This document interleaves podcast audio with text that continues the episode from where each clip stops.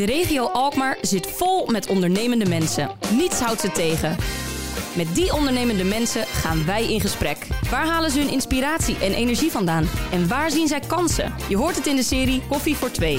Vandaag drinkt Gerwelbers koffie met... Lieke Danenberg, 35 jaar en gek op marketing en data. Geboren in Herugewaard als dochter van een tuinder en ze woont nu in Opdam, samen met haar verloofde Wieger en hun twee kinderen. Alkmaar is, zoals ze zelf zegt, haar stadje, ook al heeft ze er nooit gewoond. Lieke, welkom. Dank je. Waarom heb jij nooit in Alkmaar gewoond? Ja, ik- dat is eigenlijk meer, eh, denk ik, een, een, een samenspel van omstandigheden. Want we waren aan het kijken voor een, een huis in Alkmaar en eh ingelood ook voor een woning in Opdam. Of meestal hadden meegedaan met een loting. Maar daar waren echt 200 inschrijvingen, dus we dachten we gaan lekker naar Alkmaar. En toen werden we toch ingelood voor Opdam. En toen dachten we, oh ja, dit is wel makkelijk. Dus het was echt uit makkelijkheid. Oké, Ja. nou, dat eh, accepteren we dan voor deze ene keer. Ja, ik wil graag even met jou samen je cv doorlopen. Ehm, kan je iets vertellen over, ehm, over de opleiding die je gevolgd hebt en wat je daarna bent gaan doen? Ja, ik heb vrije tijdskunde eh, gestudeerd. En dan moet ik altijd aan Marianne Zwageman denken. Die zegt, eh, die vrije tijdskundestudenten, die zijn niks waard. Nou, ik moet ook eerlijk zeggen, niet dat ik niks waard ben... maar wel dat ik dacht, wat moet ik in godsnaam gaan studeren? En dat mijn decaan zei, nou, jij weet het niet. Ga maar lekker naar vrije tijdskunde, want daar is een beetje van alles wat. In mijn tijd kozen we dan maatschappijleer. Ja, nou ja, precies. En ik dacht, ik hou van vrije tijd, dus dit komt goed. En ik heb ook heel lang tegen mensen gezegd... ze zeiden, waarom studeer je vrije tijdskunde? Omdat ik mijn weekend zo efficiënt mogelijk wil inplannen... met uitjes en uitgaan. dus dat, dat kwam eigenlijk wel goed. Maar het was best wel een economische opleiding. Dus ik heb daar wel eh, veel geleerd over eh, marketing en strategie... en ehm, nou ja, eh, wat is het HR? Eigenlijk alles wat in een economische opleiding zit... En zo kwam ik ook bij de VVV terecht, omdat ik dacht, ik ga wel in, dat, in die sector op zoek naar werk, want die sector vind ik heel erg leuk. Want, ehm, want je merkte wel toen dat al dat marketing en data, dat zijn echt wel jouw dingen. Hè? Ja, ja, absoluut. Eh, en na je opleiding ben je bij de VVV gaan werken. ja, ik kwam daar als stagiair. Ehm, dat was ook een eh, bijzondere tijd in het waaggebouw met z'n vijf op een eh, heel klein kantoortje. En ik moest dan de infogids maken. Dat was mijn stageopdracht. En dat, dat is echt al, nou, ik denk 15 jaar geleden of zo. En dan, nu krijg je digitale proefdrukken. Maar dan reed ik heel vaak heen en weer tussen de drukker en kantoor... om dus die proefdruk op te halen. En dan ging ik met een rode stift alles nakijken. En dan reed ik weer terug om het terug te brengen. En zo leerde ik een beetje van een stukje meer communicatie dan marketing eigenlijk. Ehm, maar ook wat dat dan betekent voor de stad. Hoe dat dan werkt. Wat Mhm. eh, gastvrijheid betekent. Dat dat dus te maken heeft met het stuk voordat je in de stad komt en in de stad komt. Want de winkel was dan beneden. Ja. Dus ehm, ik sprong dan bij op Kaasmarkt vrijdagen. En dan eh, de rest van de week zat ik dus inderdaad eh, als stagiair tegenover Eduard Pieter Oud. Ehm, nou ja, en na te denken over hoe kunnen we deze regio dan beter eh, vermarkten. En heel veel doelwerk hoor. Als, zoals stagiair. ja, want de VVV staat voor gastvrijheid. Hè? Wat, wat versta jij daaronder? Nou, of, ik denk, of ben je er iets anders onder gaan, van, gaan verstaan? Ja, ik denk in de tijd van de VV ging het echt wel over eh, een stukje marketing wat eh, heel erg naar buiten was. Dus heel erg pool ook. En er was ook veel beurzen bijvoorbeeld. En eh, daar mensen binnenhalen, bussen noemden we de bussen binnenhalen. Ehm, en ook in de winkel ging het natuurlijk over dat mensen zich welkom voelen en informatie krijgen. Maar nu denk ik, ja, die hele reis van die gastvrijheid begint al veel eerder. Die begint op het moment dat je bedenkt, ik wil naar een leuke stad in Nederland toe eigenlijk. Of misschien Mhm. zelfs daarvoor wel, ik wil iets leuks doen. En dan moet je dus ook als organisatie kunnen laten zien dat je daarvoor open staat, dat er dingen te doen zijn. Dus het is een hele andere reis zoals ik het nu bekijk. En ook als je weggaat weer. Ja, de customer journey. De customer journey. Ja, om even de marketingterm erin Ja, te gooien. precies. En Ja. proberen we te vermijden vandaag? Of, eh? Nee hoor, zeker niet. Nee, want we gaan het eh, toch heel veel hebben, denk ik, over data en marketing. Maar dat hoeft totaal niet saai te zijn. Dus dat is, eh, dat is alleen maar leuk. Ik heb nee, eh, dat is het dadelijk ook wat stigma prikkelende misschien. vragen. Dus, ja. eh, Oeh, prikkelende hartstikke goed. vragen. maar nog even je cv, hè? Eh, VVV heb je gezeten. Je bent ook directeur van Alkmaar Marketing geweest. Ja, nou weet ik uit ervaring dat dat de mooiste baan ter wereld is. Ja, absoluut. Hoe heb jij dat ervaren?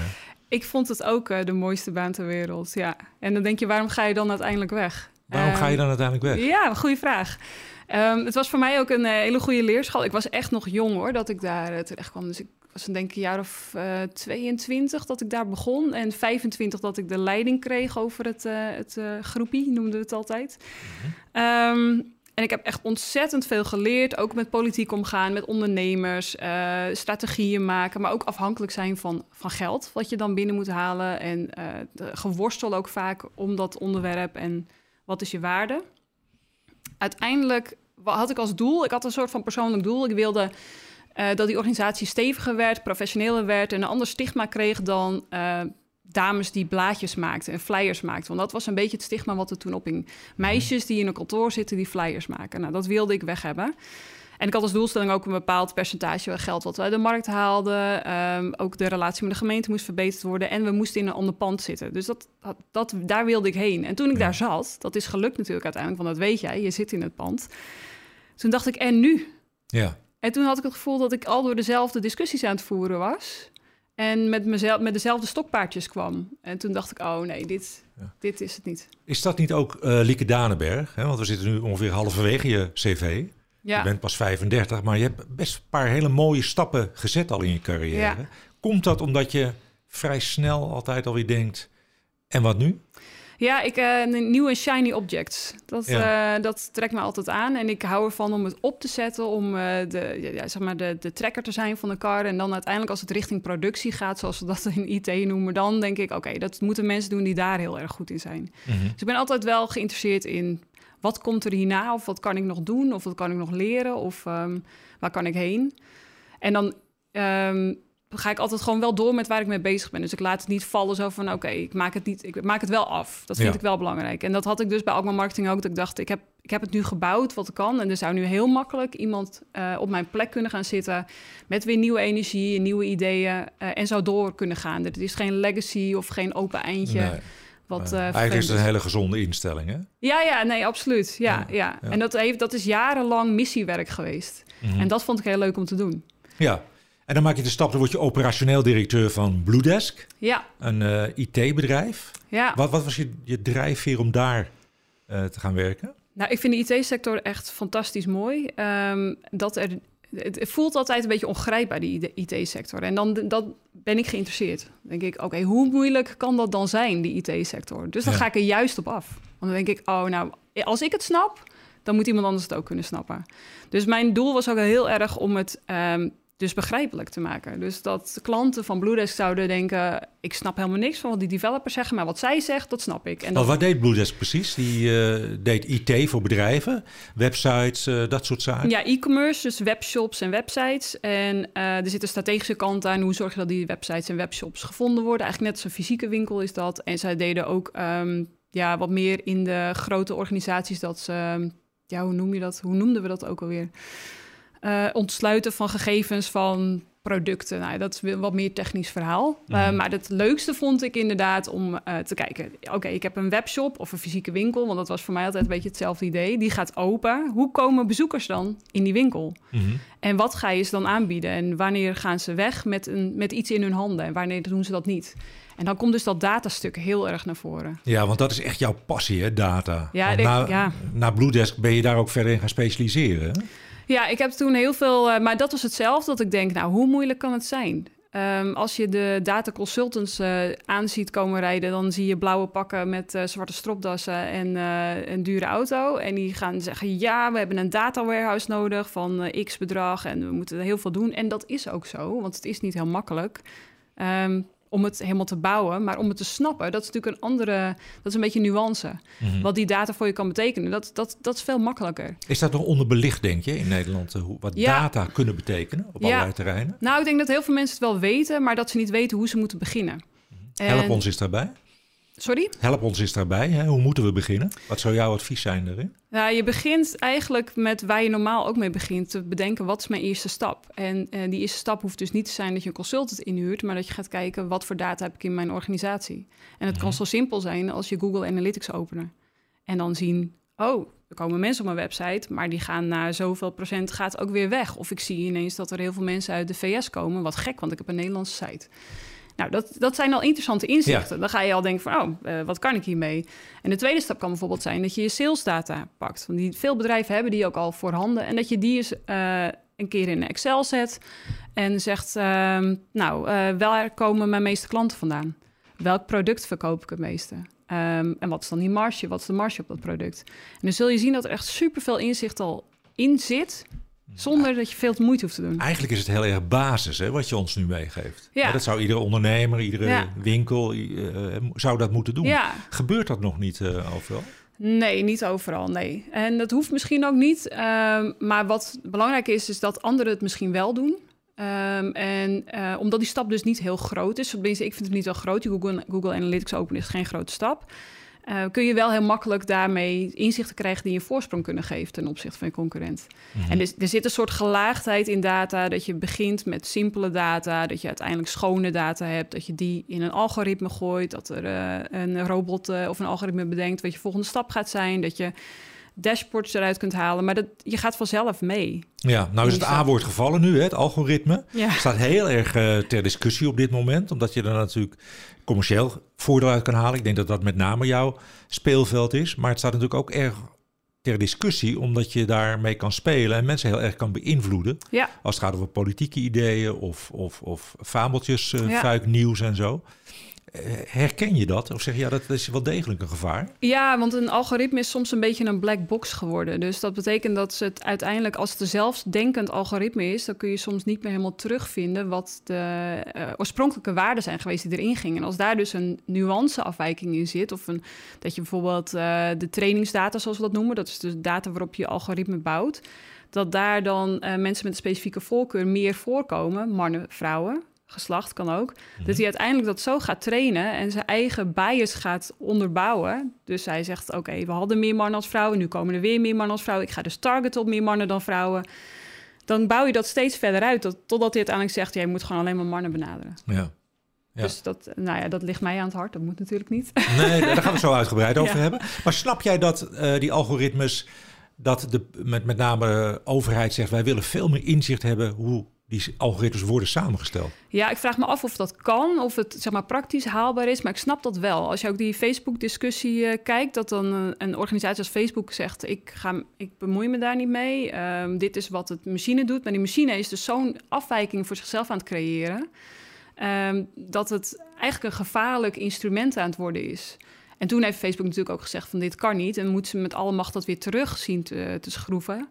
Ehm, maar er zit wel een hele grote smet op hun naam, nog steeds. Dat, Ja. dat je denkt van ja, wat, wat gebeurt er eigenlijk met mijn data? Mhm. Ehm, dus ik snap dat daar wat meer grip op eh, eh, moet komen. Ik, maar ik vraag me af in hoeverre dat eh, hanteren is, gewoon in de praktische zin. Mhm. Net als met de AVG, hoeveel mensen heb je nodig om te controleren dat alle bedrijven in Nederland zich aan de regels houden? Ja. Nou ja, Ja. Maar geloof jij in de stelling dat mensen zeggen van uiteindelijk gaat Facebook bepalen wie de Amerikaanse verkiezingen gaat winnen? Nou, ik denk als je kijkt naar de, de historie, is dat niet echt een stelling. Want dan zie je dat, eh, dan zou je moeten zeggen, ik geloof dat wel of niet. Maar in, eh, in 2016 is er, eh, hebben ze uiteindelijk 100.000 Russische accounts gevonden... die dus op specifieke doelgroepen aan targeten zijn geweest... met specifieke nieuwsboodschappen. En omdat dat dus door deze mensen geklikt werd, zei, dacht Facebook... oh, dit is interessant, ik ga hier meer van laten zien. Dat is gewoon gebeurd. Dus eh, daar zal zeker een mate van invloed zijn geweest, ja. Ja. Je hebt heel veel kennis van zaken, hè? Je, je kan de materie goed doorgronden, je kan het ook heel goed presenteren. Doe jij ook iets met die kennis, om die kennis over te brengen? Ehm, ja, nou, dit gaat dan nou specifiek over de data. Wa- Wat ik in ieder geval belangrijk vind, is dat bedrijven niet geïntimideerd voelen door het hele data-vraagstuk. Dus dit is, Facebook is natuurlijk een ver van je bedshow. En dat is wat er vaak gebeurt met zo'n data-vraagstuk.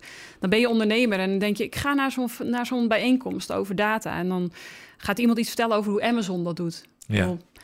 Dan zit je daar als MKB met, eh met 100 man personeel en denk je, Amazon, ja, dat is gewoon, eh, daar ben ik gewoon niet, weet je. Nee. Dat, is, dat is een volledig datagedreven bedrijf. Dus waar ik naar probeer te zoeken is die voorbeelden voor bedrijven die dus kleiner zijn. Dus die salesafdeling die nu 20% meer omzet heeft, omdat ze weten dat hun klant dit product interessant vinden. Of eh, dat ze dus bepaalde producten uit het assortiment halen, omdat die marge blijkbaar niet goed is. Uit- dat halen ze uit data. Dat vind ik heel interessant. En dat doe ik, of heb ik vorig jaar gedaan bij eh Data Science Alkmaar. Wat is Ehm, Data Science Alkmaar?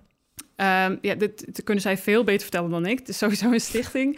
Een Ja. samenwerking tussen de overheid van eh, bedrijfsleven of overheid, bedrijfsleven en onderwijs. En eh, zij geven colleges om ondernemers dus te laten zien wat er kan met data. En hun thema vorig jaar was Where can we begin? Dus precies dat Ja. waar ik dus van zeg, ja, dat is wat ondernemers willen weten.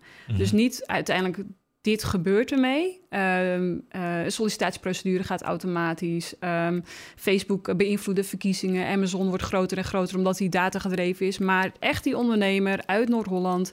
die eigenlijk denkt, hoe moet ik dit in godesnaam gaan organiseren... Uh, en wat is mijn eerste stap? En ik zeg altijd, die stap moet zo klein mogelijk zijn. Mhm. Openen van Google Analytics bijvoorbeeld.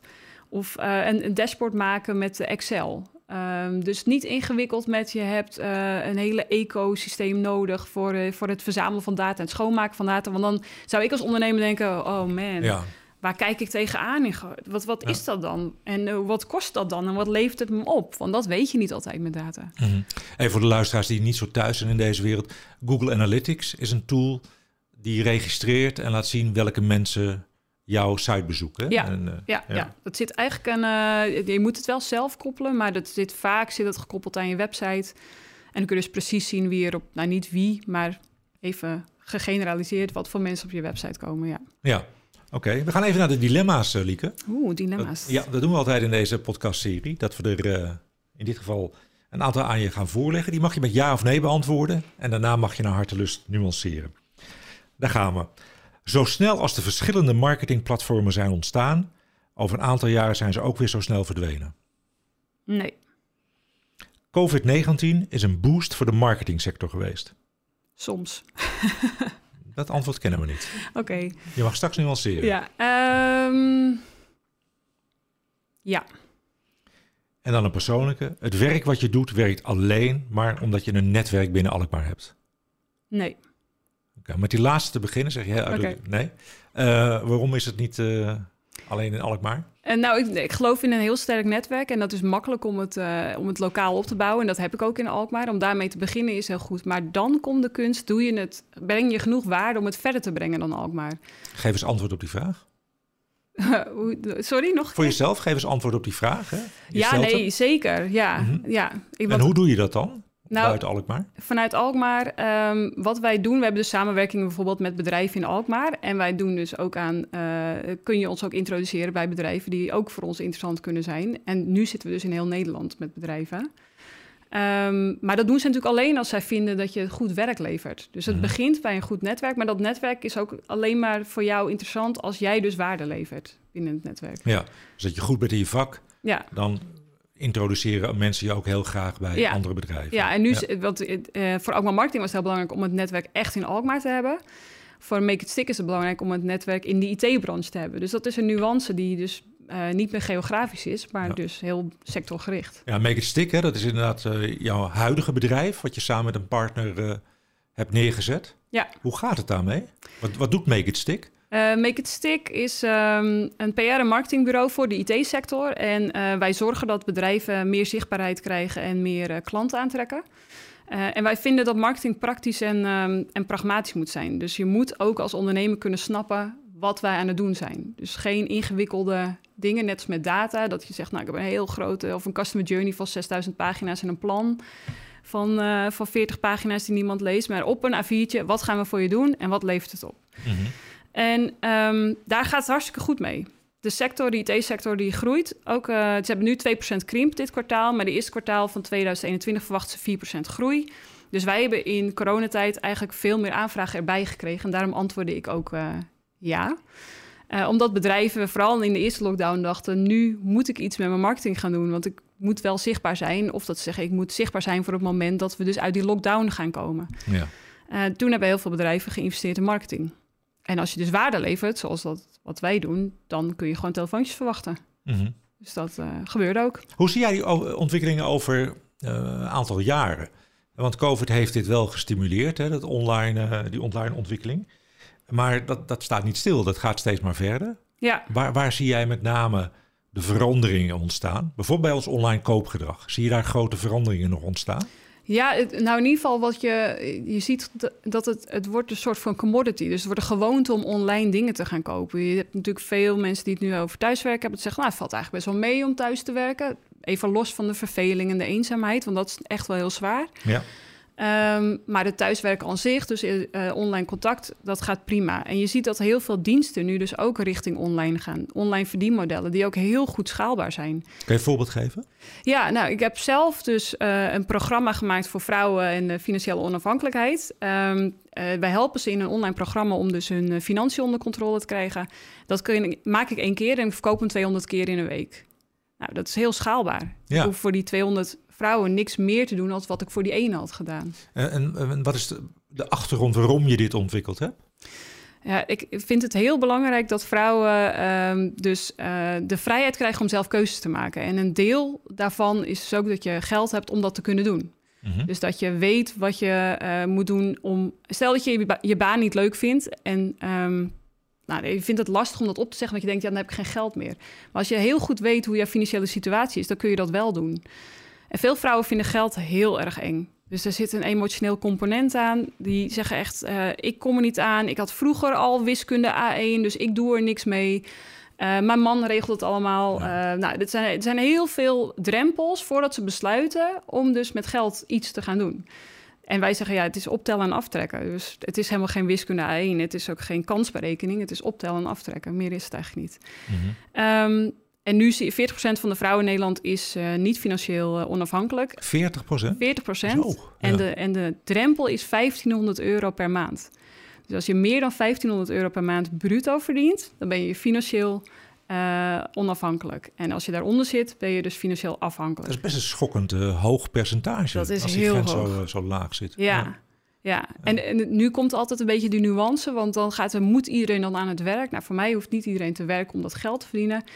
Maar weet wel wat, je, wat de consequenties zijn van het niet hebben van financiële onafhankelijkheid. Mm -hmm. um, en dat proberen we ook mee te geven om het in ieder geval minder eng te maken en die, uh, die barrières weg te nemen. En dat, dat, dat slaat enorm aan. Ja. Dus vrouwen zijn uh, er echt naar op zoek. Leuk. Ja, nou is het voor jou natuurlijk zelf ook op een moment in je leven zo geweest. Je was in loondienst. Ja. Je hebt toen die stap gemaakt om zelf ondernemer te worden. Hoe bevalt dat? Ja, dit is geweldig. Ja, dus dit, hier kun je ideeën die je zelf hebt tot leven brengen. Ik kan s ochtends wakker worden, een idee hebben en denken: oké, okay, ik ga dit uitwerken, ik ga het pitchen, ik ga het verkopen. Mm -hmm. Nou, dat is ook wat ik eigenlijk. Ja. dat is wat ik doe. Ja, nou perfect. Nou, je bruist het van de ideeën. Ja. Als je nou eens kijkt naar Alkmaar, hè, want dit is natuurlijk met name voor uh, de mensen in de regio Alkmaar bedoeld, dit programma. Wat zou jij nou willen veranderen aan Alkmaar? Ja, ik had zelf altijd een praktisch probleem in Alkmaar. Namelijk dat ik niet op hoge hakken door de stad kan lopen. Um, maar dat zou ik niet veranderen, want dat, dat doet afbreuk aan de historie van de stad. Dus ik dacht, in plaats van het praktisch te benaderen... Um, ik zou graag willen veranderen dat Alkmaarders bescheiden zijn. Dat, uh, het is altijd, doe maar gewoon, doe al gek genoeg. Oude jongens krentenbrood. Um, zijn we een keer landskampioen, nou, dan, dan vieren we het natuurlijk uitbundig... Maar voor de rest is het. Uh, nou, ik, ik, denk dat Alkmaar wel wat meer mag vertellen hoe tof het is. Ja, ja ik herken wel wat je zegt. En die, die, die nuchterheid is ook vaak wel een beetje, of bescheidenheid.